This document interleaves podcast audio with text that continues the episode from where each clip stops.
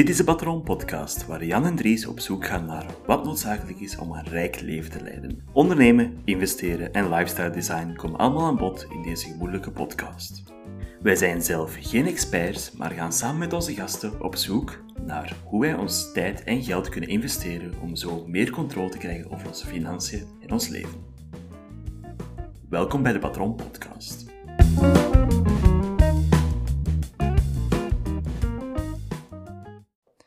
Welkom bij een nieuwe aflevering.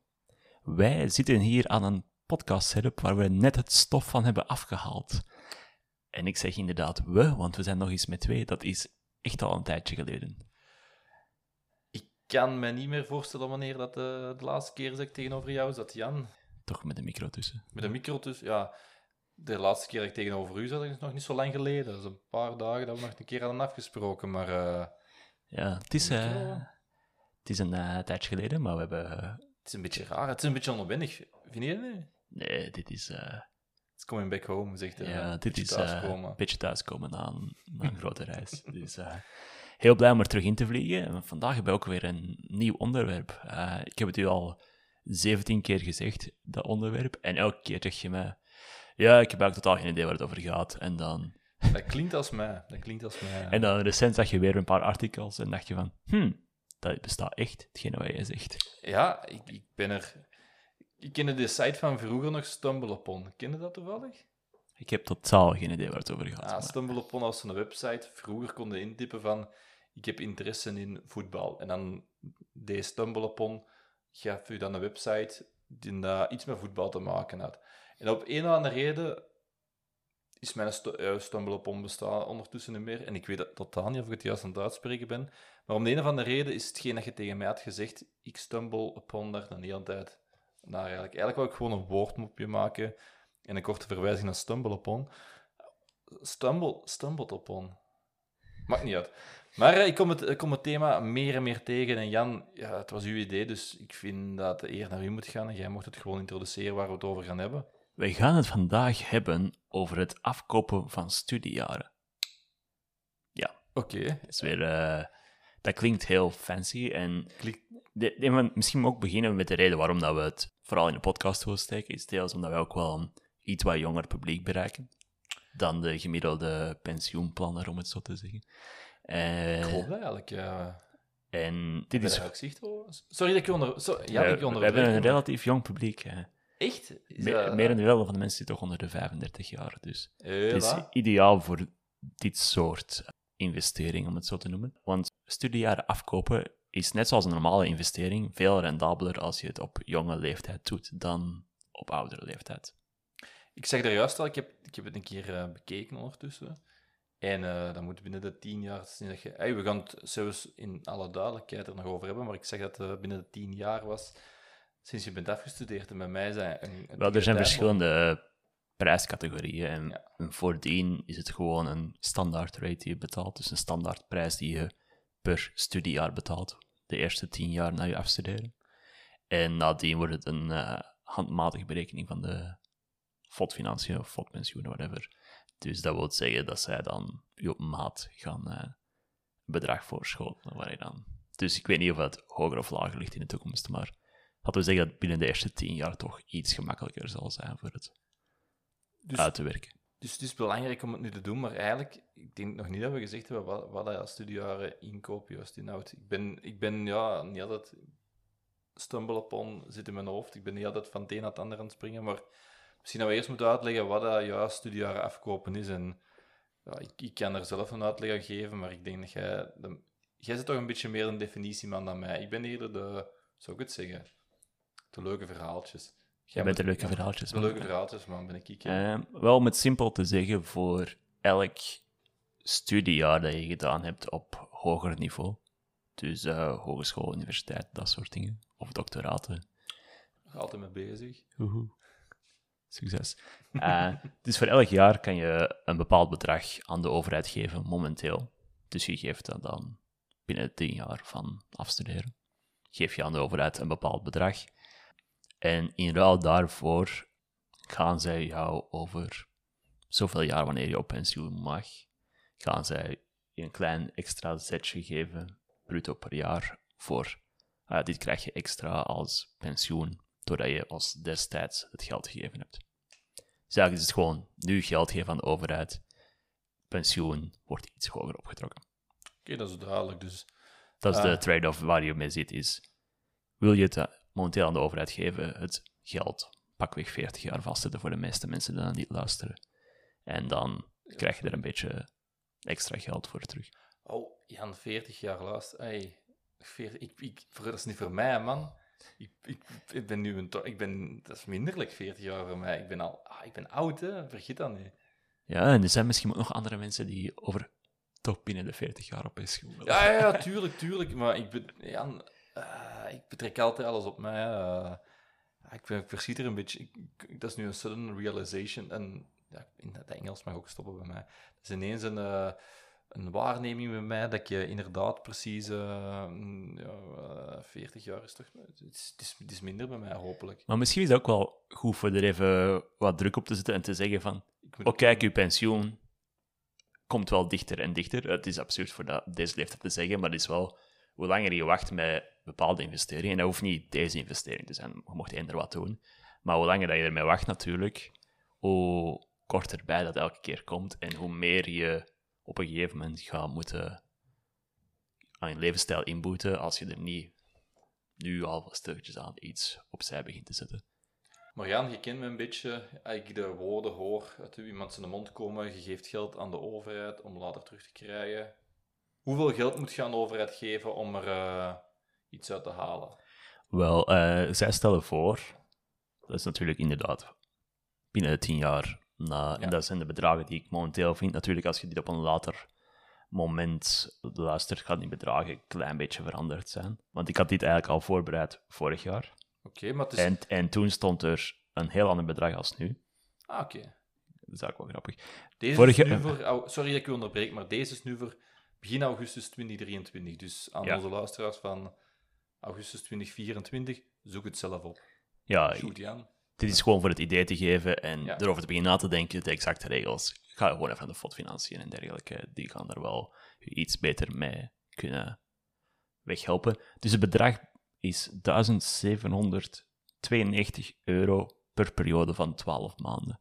Dus stel dat jij vier jaar gestudeerd hebt, drie jaar aan een bachelor en een jaar aan een master, kan je vier keer ruwweg 1800 euro overmaken aan de FOD. En dan krijg je... Dus dat is dan...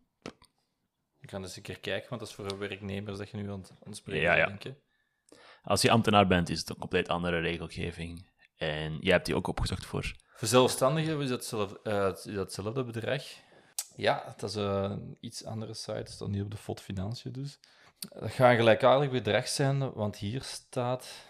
Als jij dezelfde termijn gelijk dat je over, waarover jij aan het praten waart, eh, binnen de 10 jaar na het afstuderen, dan betaal je 448,15 euro per gelijkgestelde kwartaal. Dus dat zijn er vier op een jaar. Ja, dus je komt ook inderdaad op... eh, Ga richting, ga richting het bedrag zijn dat jij ook Dus eh, s- dat soort bedragen waar we van spreken, rond de 1800 euro. Eh, zowel werknemer als zelfstandige. Als ambtenaar kan je een heel... Het is een apart systeem dat echt compleet niet uit te leggen is voor- voor normale mensen. Dus Zoek Als het je- zelf op. We zijn gewoon het... eh, het- we zijn gewoon de ideegevers op dit moment natuurlijk. Ja, En dus wat staat daar tegenover? Dat is misschien ook wel belangrijk voor de uit te zeggen. Geeft je nu wel geld, maar hoeveel zou je dan op termijn van terugkrijgen? Ze geven u dan op je pensioen. Dus het is niet vervroegd pensioen of dergelijke. Het is gewoon... eh, je krijgt je pensioen en dan krijg je er nog bruto wat bovenop. En het bruto bedrag is rond de 320 euro per jaar als alleenstaande. En rond de 400 per jaar als je met een gezin zit, dergelijke. Dus eh, ja, dat is, is inderdaad voor elke 1800 euro die je nu zou aan de overheid geven, krijg je er dan een 400 per jaar terug. Tussen de 320 en de 400, afhankelijk van je gezinssituatie op dat moment. Dus stel nu, hoeveel jaar heb jij gestudeerd? Ik ben even gewoon aan, aan het denken nu. eh. Eh, wel, ik heb vijf jaar gestudeerd, maar dit is wel, natuurlijk, dat is een goed voorbeeld, goede vraag die je stelt. Ja, ik heb vijf ja. jaar gestudeerd, maar ik heb maar vier jaar aan opleiding afgewerkt, om het zo te zeggen. Ik ben een jaar ja, vakken opnieuw gedaan in totaal. Ah ja, ja, ja. pisjaren tellen die stond er in het groot bij. Ja. Ja, dus uiteindelijk kan ik er maar vier afkopen. Dat is, allee, is ook nog altijd wel voldoende natuurlijk, maar het is zo... Dat is... en ja, als je doctoreert zijn er ook een aantal jaar die je kan ingeven. Ik weet niet hoe het komt als je doctoraat vrijwillig doet, wat de regels daar zijn. Er zijn dat, is, dat zou eigenlijk eens een goede vraag zijn. Ik heb er tot, totaal geen... En misschien moeten we daar ook niet een beetje over uitweiden, want anders... Dat is een... Dat is een heel specifiek Pak dat ik een heel specifieke situatie ben, zelfstandig en vrijwillig dokter. eh, Dat is een ander stelsel waarschijnlijk dat ik onderval. Maar pak dat we nu over zelfstandigen zullen spreken, is ongeveer gelijkaardig. Eh, gelijk dat jij zegt. Ja, alleen moeten we onze aanvraag bij het Sociale Zekerheids... Sociaal Verzekeringsfonds indienen. En het is een gelijkaardig bedrag dat er tegenover staat. Dan kom je natuurlijk in die situatie van, ja, is het interessant voor het geld nu af te geven aan de overheid en dan te hopen dat je er ooit een pensioen voor krijgt. Dat is natuurlijk zo wat de, de vraag natuurlijk. En Zou jij het doen? Want ik weet het niet, het is wel zo... Ik heb ook wel een aantal bedenkingen bij. En dat is... eh is dan vooral, je kunt niet eerder op pensioen. Dus dat deel is al niet echt deel van de question. also, Ja. stel dat je... Je moet wel je volledig pensioen eerst halen Ja. voordat ze dit aan u gaan geven. Stel Eh. dat je fire... Sorry dat ik je weer al onderbreek. Ja, Eh, Stel dat je fire wordt, Voilà, ja. dan is dat inderdaad natuurlijk. En daar bovenop komt natuurlijk ook wel dat ik dat er een zeer reële mogelijkheid is dat ik een groot deel van mijn leven niet in België doorbreng. Oh. Om Ga je me terug hier al alleen laten, Jan? eh, terug eh, de wereld te verkennen. Maar eh, ja, ook gewoon re- wegens relaties en dergelijke. Maar dat, ja, dat is natuurlijk mijn persoonlijk leven, waardoor het zo heel die pensioenpuzzel nog wat gecompliceerder wordt natuurlijk. Als je met verschillende landen begint de puzzel samen te leggen, dan komt inderdaad heel, op een gegeven moment echt de vraag van wie geeft hoe- hoeveel pensioen en op wat heb je recht dan over 40 jaar. En dan, Is echt van zin om dan van nationaliteit te veranderen of zo? eh? eh, dat, dat valt te overwegen natuurlijk. Eh, maar dat is even losstaande. Daarnaast denk ik dat er wel een aantal dingen zijn die iedereen wel in achterhoofd moet houden. Zoals? Ehm, eerst en vooral de regels kunnen veranderen. Ze hebben dan nu wel die regels geschreven, maar op een gegeven moment kan het natuurlijk zijn, ah ja, je moet... Ik was nu aan het lachen van, ah ja, nog 40 jaar, dan is dat nu, ah net is minder. Maar wie weet wat er over 30 jaar de regels zijn. Dat ze 45 jaar zeggen, of Ja. dat ze die bedragen weer al omhoog doen. Want ja, Dan zeggen ze- ja, Dan zeggen ze en misschien van, ja, je moet 45 jaar gewerkt hebben, of 50 jaar gewerkt hebben voor je volledig pensioen te krijgen. En dit valt natuurlijk enkel te verkrijgen als je echt in een volledig pensioen zit. Dat is hoe dat ze de regels nu geschreven hebben, dus het is natuurlijk een beetje een moeilijke wisselwerking daarvan te zien van, oké, ja, wat gaan de regels zijn over zoveel jaar? Een ander probleem is natuurlijk, dus regel, probleem 1, regels kunnen veranderen. Re- probleem 2 is voor mij ook, het is niet vroeger opvraagbaar onder geen enkele omstandigheid. Waar dat je bijvoorbeeld nog wel met eh, pensioenfondsen en dergelijke, daar kan je wel je geld er terug uithalen Klopt. en er gewoon de boete op betalen, om het zo te zeggen. Mhm. Want een hele pensioenfonds, we gaan er ooit wel eens afleveringen over tak 21, tak 23, al dat soort dingen. Maar er zijn mogelijkheden om je geld daaruit te halen en gewoon de financiële penalty te betalen, die er ehm, bij hoort. Maar dit is natuurlijk in dit geval niet echt mogelijk, want je zegt gewoon, ah ja, hier is geld en ik krijg later pensioen van u. Eh, het is niet dat je naar een bank stapt en zegt, hier is een financieel product, ik koop dat nu onder een fiscaal voordelig stelsel en dan krijg je dat over het plan is om over 40 jaar op pensioen te gaan, maar als ik het echt, echt nodig heb, kan ik eraan. Daar zit je natuurlijk hier niet.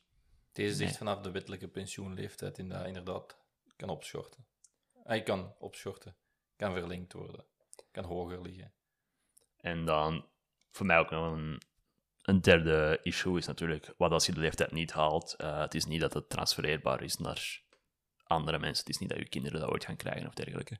En, dus ja, dat is... eh, dat voorbeeld is nog eens recent heel accuraat geworden bij mij. Dus, ehm, dus ja, dat is... heel goede bedenkingen. Wel, eh. Dus dat zijn dingen ja, waar je niet echt bij stilstaat op het moment dat het gepresenteerd wordt, natuurlijk. Ik denk dat het ook wel deels de reden is dat er zo niet echt een stormloop op is, op al dat soort constructies. Maar ik denk wel dat het ergens een zinnige, een zinni- zinnige constructie kan zijn.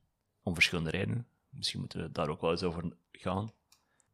Want als ik zelf die bedragen nu zou in een fire calculator steken en zo, of in een compounding cal- calculator, waar dat je de interest op interest krijgt, en dat 40 jaar laat staan, dan kom ik waarschijnlijk op een lichtjes hoger bedrag als ik het zelf zou investeren. Ah, ja, ja. Maar dan kom je natuurlijk wel welke assumpties steek je in die calculaties natuurlijk.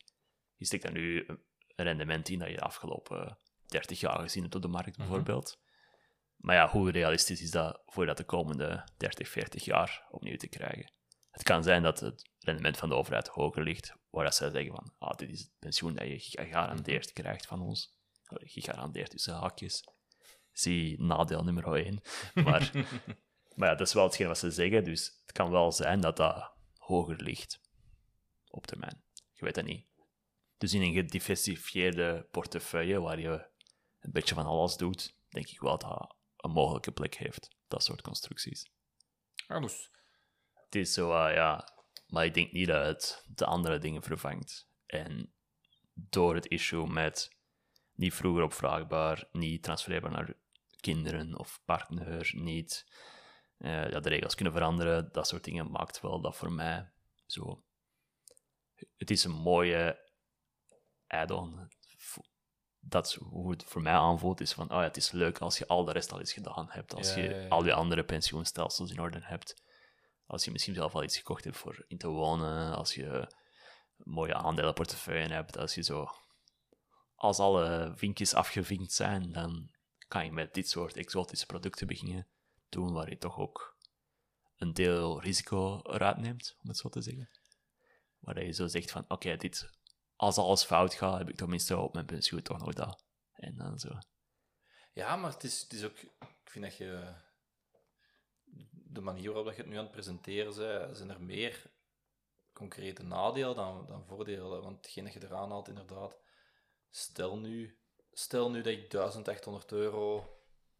eh, maal... Bij mij gaat dat maal 5 zijn voorlopig al, denk ik.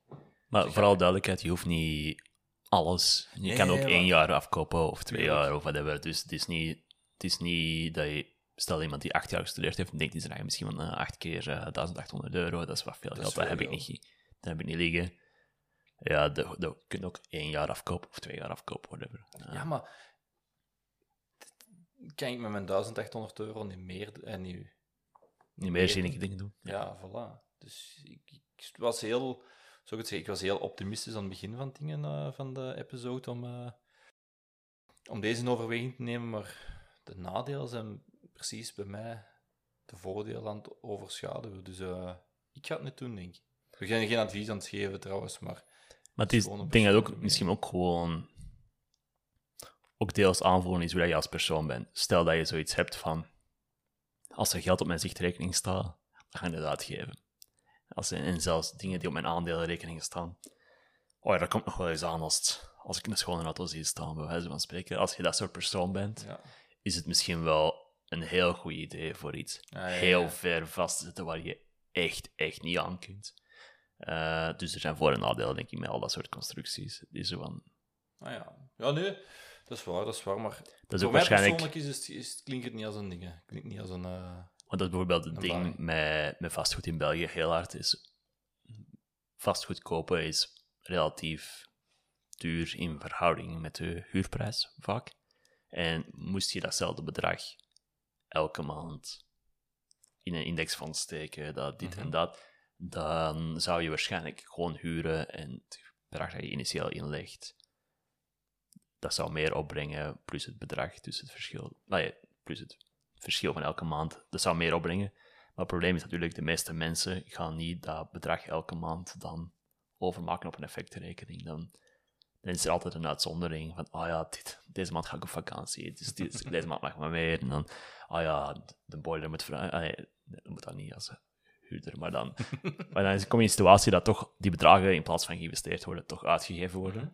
En dat is vaak, denk ik, ook waar dit soort constructies wel zinnig is is van het zit vast. Dat is vaak de reden dat vastgoed is mijn beste investering, hoorde wel veel bij de Vlaming. Ja, ja. En dat is ook vaak omdat... Probeer De, maar eens een keer te verkopen. Dat is ook vaak gewoon omdat het maar hun enigste echte investering Ja. is. En ook omdat dat- de bank komt wel op je deur kloppen als je niet betaalt elke, elke maand. Terwijl als jij in een pensioenfonds, als jij eens een maand overslaagt voor daarin te leggen, pensioenfonds kan dat, geen, kan dat niks schelen. Nee, Die hebben zoiets van, nee, whatever. Oké, zo van maand nog eens terugbellen. voilà. En, eh, en zo kom je natuurlijk op een gegeven moment in een situatie waar dat hetgene waar je geforceerd wordt om te doen, of waar je niet onderuit kan. Je zit vast aan de hypotheek, daar kan je niet zomaar onderuit. Jij zegt, probeer maar eens te verkopen. Dat is, ja, dat is soms een heel goed iets en soms een heel slecht iets. Hangt eraf wat je wilt natuurlijk. En hoe je als persoon bent. Voilà, ik denk dat een, eh,